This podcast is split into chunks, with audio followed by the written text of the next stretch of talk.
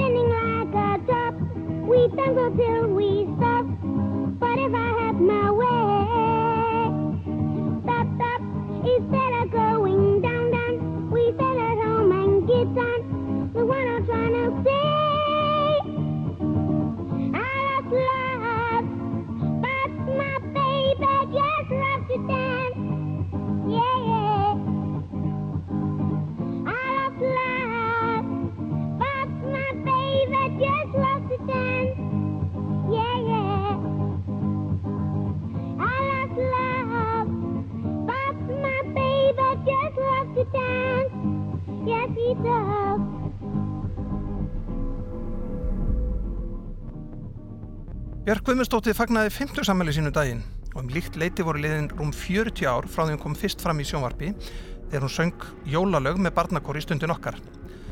Lægið sem hljómaði hér í upphæfi, Tina Charles lagarinn I Love to Love, var lag sem hún söng á skemmtun í fósforskóla og rataði síðan í útvarpið þegar Björk var 11 ára. Það má þau segja að Björk Guðmundsdóttir hafi sungið fyrir okkur nánast alla æfi og ekki bara fyrir okkur heldur fyrir allan heiminn en þeir nafn hennar þekkt um heim allan. Björk er nefnilega þekktasti íslendingur okkar tíma og reynda svo þekktasti sem uppi hefur verið.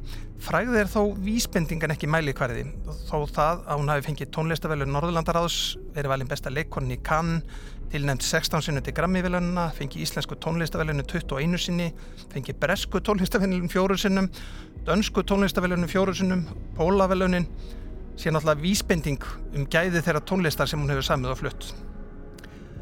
Árinu höfum mikið verið rætt um Björk Guðmundsdóttur. Eðlilega var platan Vulnikúra sem kom út í áspyrjun ábyrrandi fram eftir ári. Líka síning Helguð Björk í MoMA, nútíma listasafni í New York og svo tónleikaferð hennar sem var reynda stittri en áallad var. En það var líka rætt um hvers vegna tónleikaferðin var svo stitt. Á haustöfum komst Björk svo enni í sviðsljósið þegar hún held bladamannafund með Andrasnei Magnasninni þar sem þau uppfrættu erlenda bladamenn um þá vá sem stedjar að náttúru Íslands.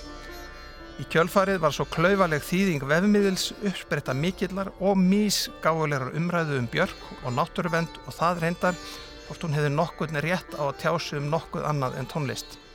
Í þessum þætti og öðrum til ætla ég að stikla á stóru í ferli sem hefur sem sé spannað fjóra áratvíi og einu ári betur.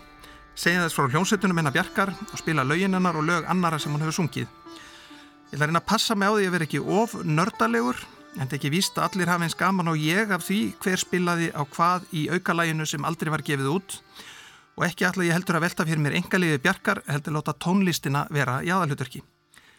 Ég byrjaði að fjalla þessum tíman fram að því að Björk byrjaði sinn eigilega soloferil með debut, annari soloplötu sinni, þegar síðan yfir árið fram að biofíliu en síðan fær árið 2015 með sínum þremur afbríðum af volnikúra, sérstatt plás. Ég fer hratt yfir upphásárin en hægja á ferðinni eftir því sem við nálgumst þetta ár.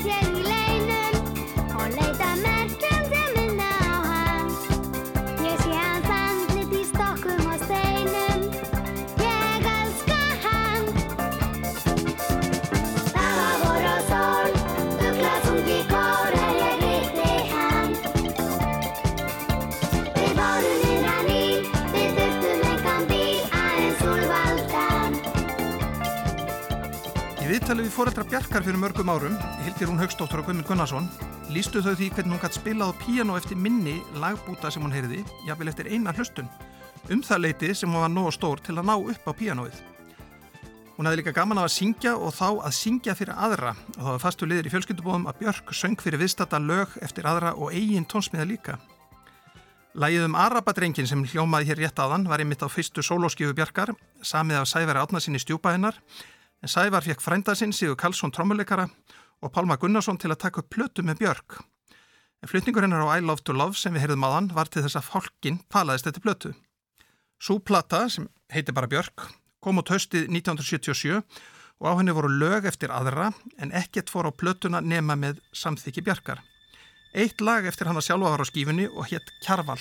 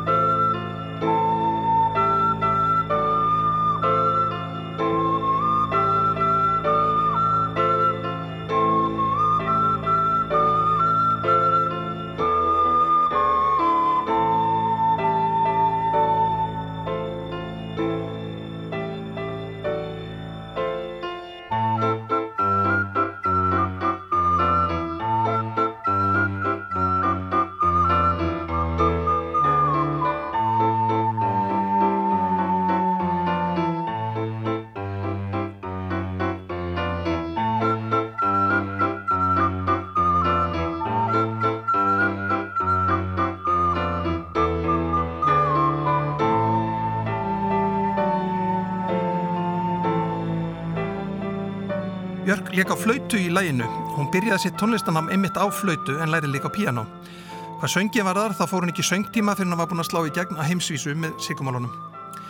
Fyrsta soloplata kom út 1977 eins og ég nefndi og ekki leið á löngu að Björk var farin að syngja með hljónsettum sem Sævar Stjúbeina var í og svo stopnaði hún sína fyrstu hljónsett í réttarhaldsskóla og síðan hljónsettina Exodus sem spilaði að sögn Bræðingstjas inn í henni leik Björk á flautu.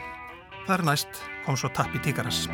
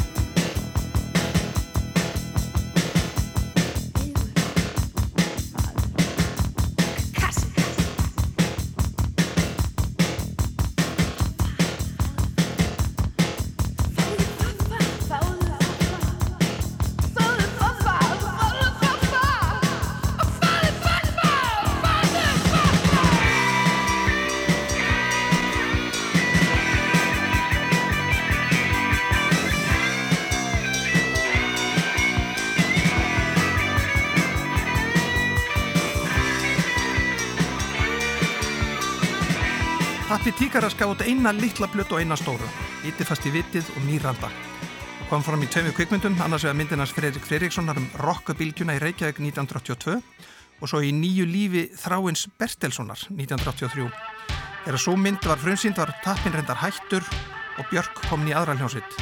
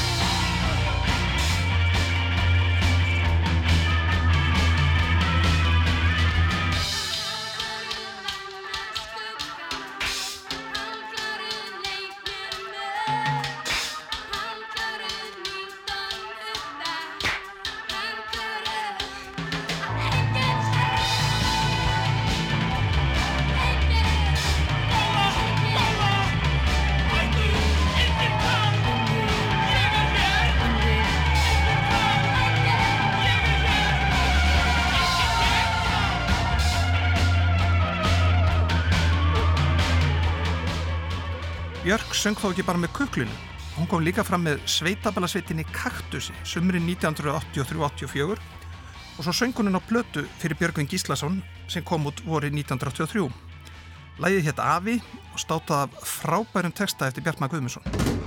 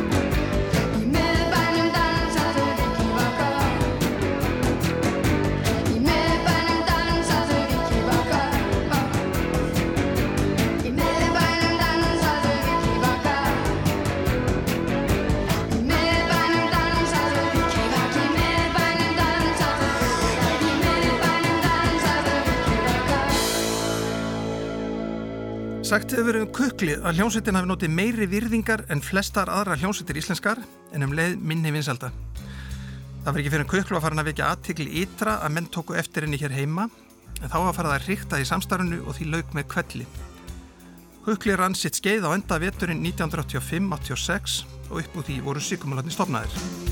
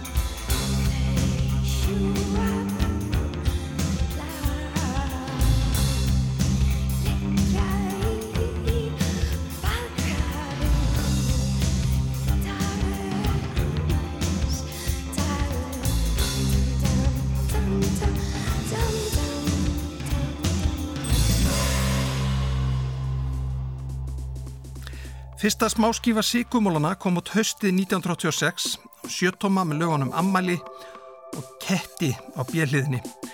Æðilögin tekin upp í stuðmannastúdjónu Grettiskatti en þar fekk sveitin inni fyrir lítið fjö.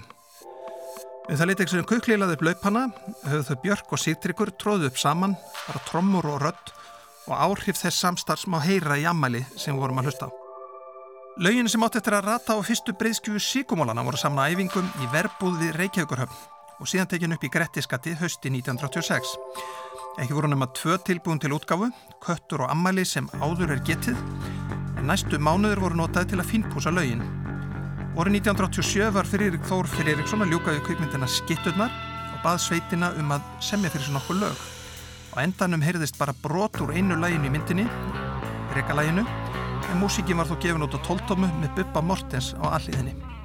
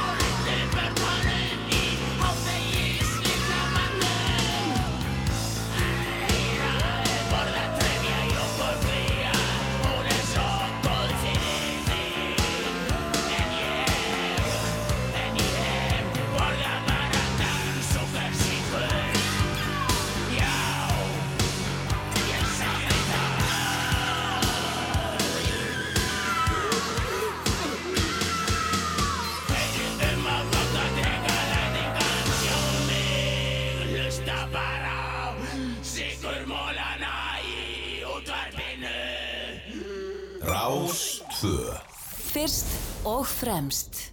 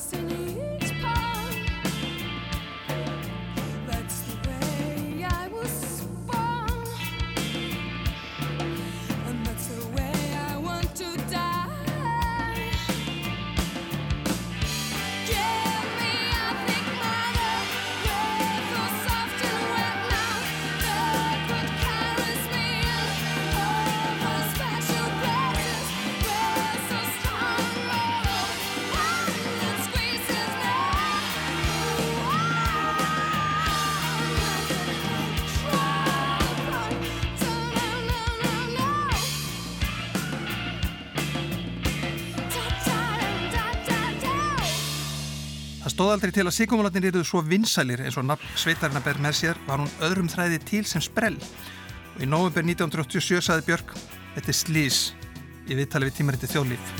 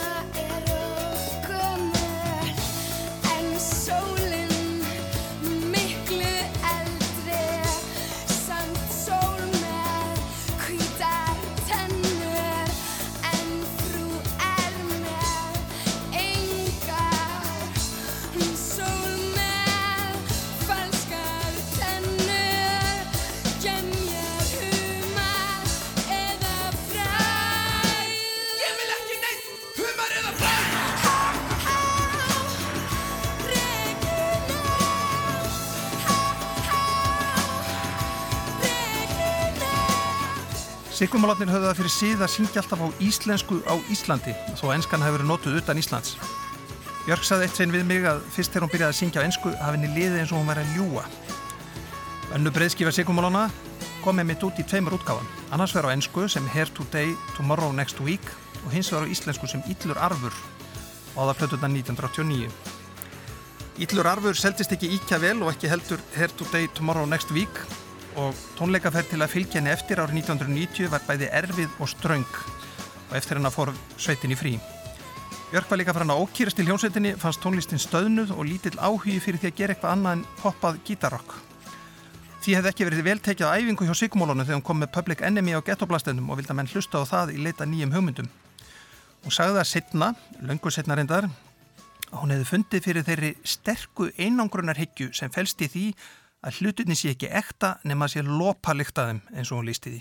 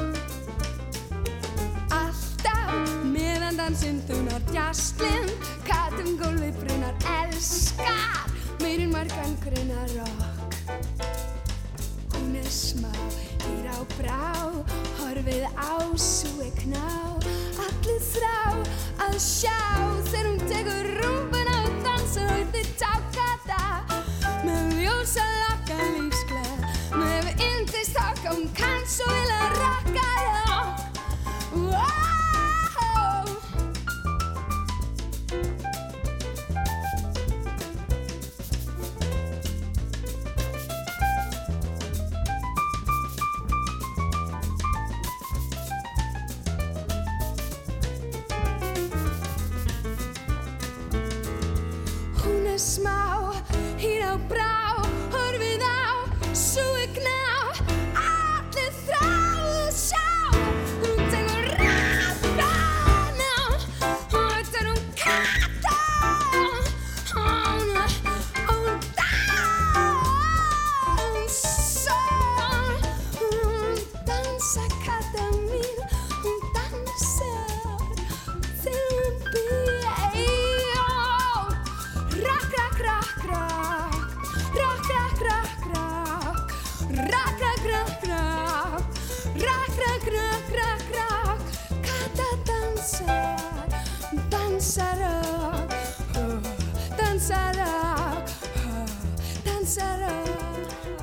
Fann fólk sitt hvað sétti dundus og Björk helt áfram að syngja, nema hvað. Hún söng til að mynda með tríu Guðmundar Ingólfssonar, pjánuleikara, og endið þar gamalt lofvort til Guðmundar. Hún kom sér líka í samband til tónlistamenn sem fengust við nýstárleiri músík en gítar, bassa og trömmurokk, þar á meðal hljónstina 1 States og fekk hana með hans hingað til að halda tónleika.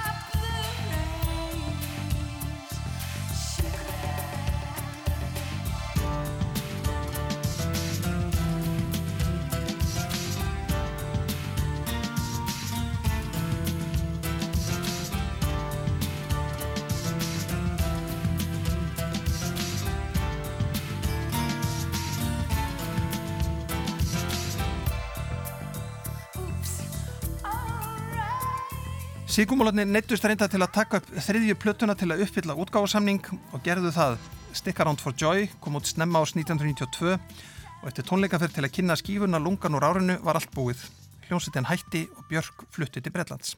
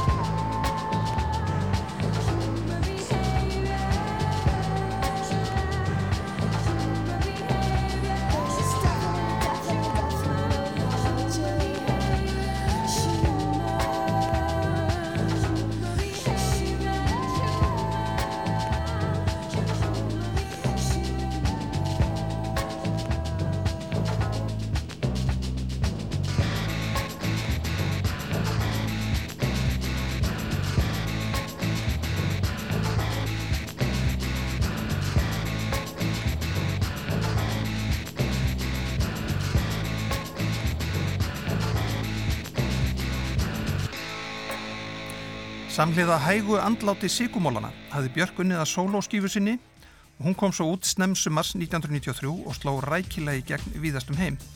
En vestur í bandaríkjunum hvörtuðu gaggrindu reyndar yfir því að ekki væri nóg af gítar á plötunni. Human Behavior var gríða mikið spilað en þó aðalega sáu það margir því myndskeiðið við það sló svo í gegn á MTV tónlistar sjónastöðinni sem var þá á mikill í siglingu. Derek Burkett sem starfa hafði með síkumólunum í gegnum árin var nú orðin útgefandi bjarkar og hann spáði því að takast myndi að selja af plötunni 40.000 eintök eða þar um bíla heimsísu. Anna kom á daginn því 600.000 eintök seldust fyrstu þrjá mánuðin eftir að platan kom út og alls hafa selstafinni tæplega 5 miljónir eintaka um allan heim. Í viðtali saðist Björk ekki að hafa velt því fyrir sér hvort hún ætti eftir að seljast í miljóna upplægi eða hvort hún ætti eftir að vinna til veluna. Það eina sem skipti máli, sagði hún, er að ég sé að gera það sem ég langar.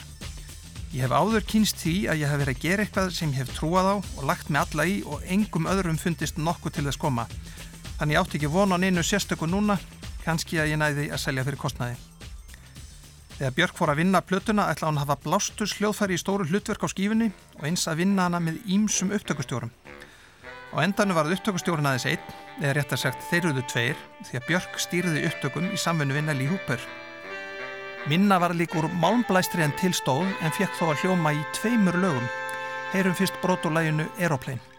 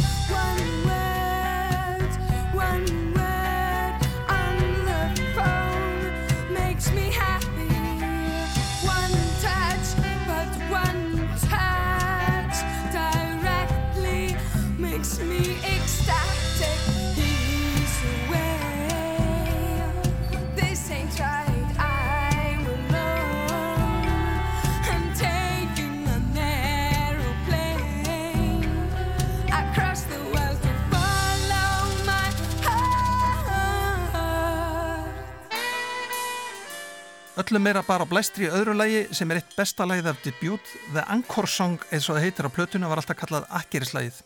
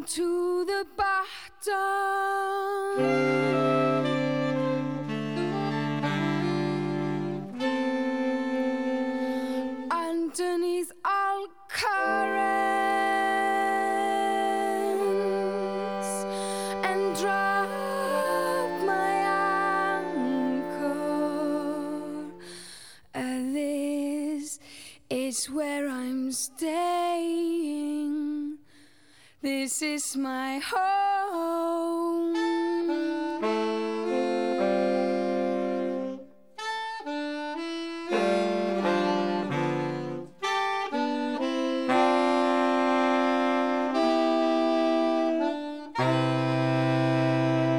I live by the ocean.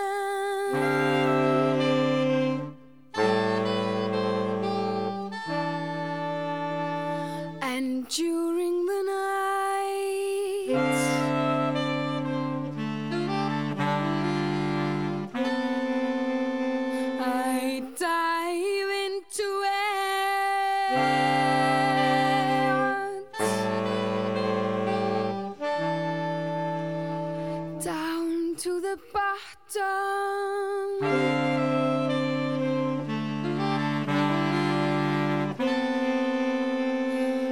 and Denny's Alcarez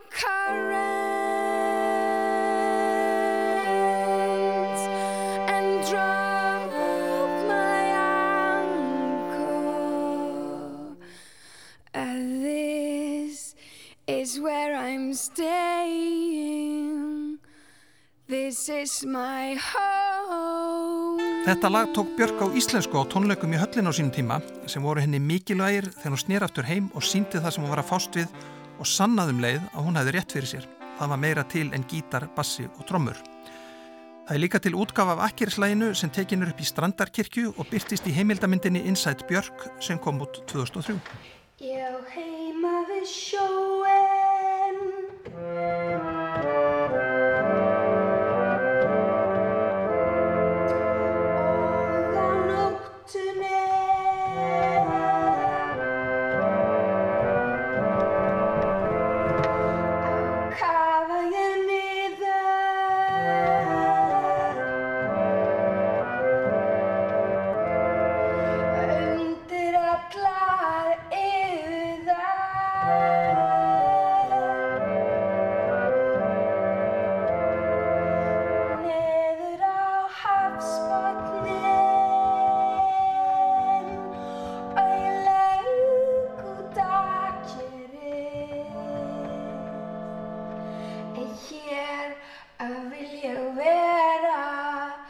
Hér á ég heima Eins og ég nefndi á það fannst Björk ankannalegt að syngja á ennsku texta sem hún hafði uppalega samið á íslensku eins og var með textanóti bjót. Þegar hún held sína fyrstu solotónleika hér í laugatasöll 1994 vakti aðtikli á söng öll lögin á íslensku og lagði sig hvað átt sig til þess var til að mynda með textana skrifað á blað sem límt ára sviðið svo hún geti lesið og áþurft að halda. Þetta setti þá sem syngja vildu með í nokkuð sérstakar stöðu og líka sámaðar að hljómsveitamellum fannst þetta skondið.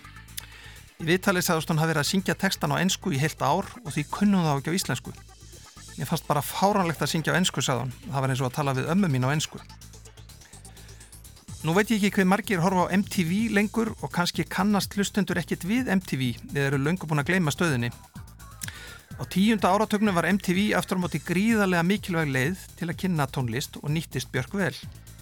Hún var lægið við að finna frábært samstagsfólk og þá ekki bara í upptökur og útsetningar, heldur líka í búninga og útlýtssönnun og svo líka myndbandagerð. Mísil Gondri gerði til dæmis frábært viðtalu í Human Behavior og svo fekk Björk Stefan Setany til að gera myndband við Big Time Sensuality. Hann stakk upp á að myndbandirði tekið upp á vörubílspalli sem ekið væri um New York með tónlistin á fullu og Björk að dansa á pallinum. Frábær hugmynd og frábært vídeo af frábæri lægi. Nú er ekki hægt að sína í gegnum útvarpið en það er þá hægt að hlusta.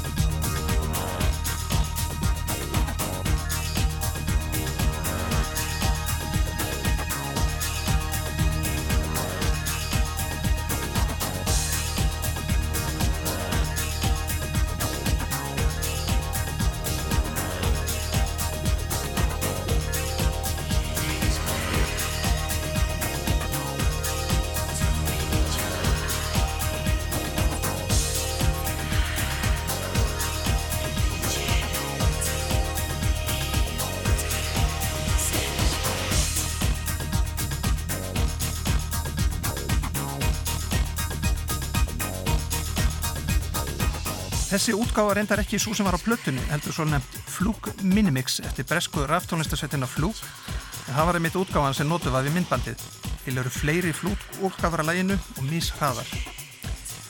Big Time Sensuality var fyrsta lægið sem Björk komin á vinsaldalista Vestanhafs. Lægið fór í efsta sætið á Billboard danslistanum og í 88. sætið á Billboard listanum yfir vinsalistu lög bandaríkjana.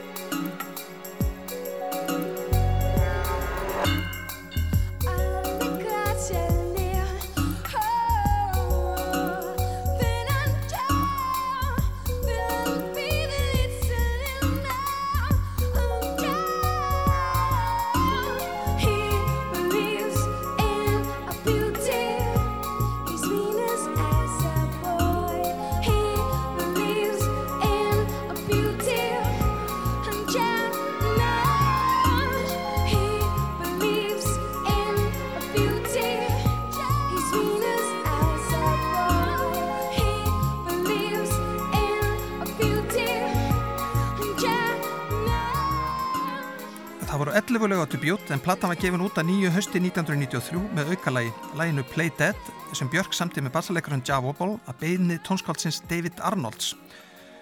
Þau söndu taktin og strengina en hún laglínu og texta. Þetta er bísna gott lag sem er heyrði oft á tónleikum en að því sögðu það fannst mér ná eiginlega ekki eiga heima á debut það fjall ekki vel að andrúsloftinu á plötunni.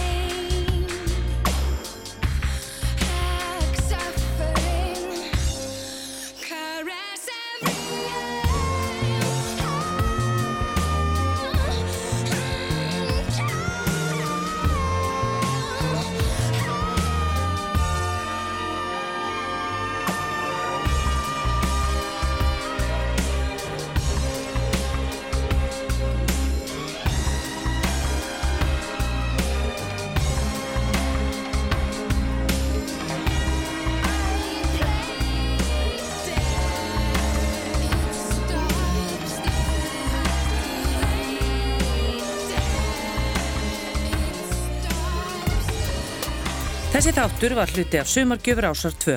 Þú getur nálgast fleiri þætti úr Sapnir Ásar 2 í spilaranum á rúf.is, í rúf appinu fyrir snjalltæki og öllum helstu hlaðvarpsveitum.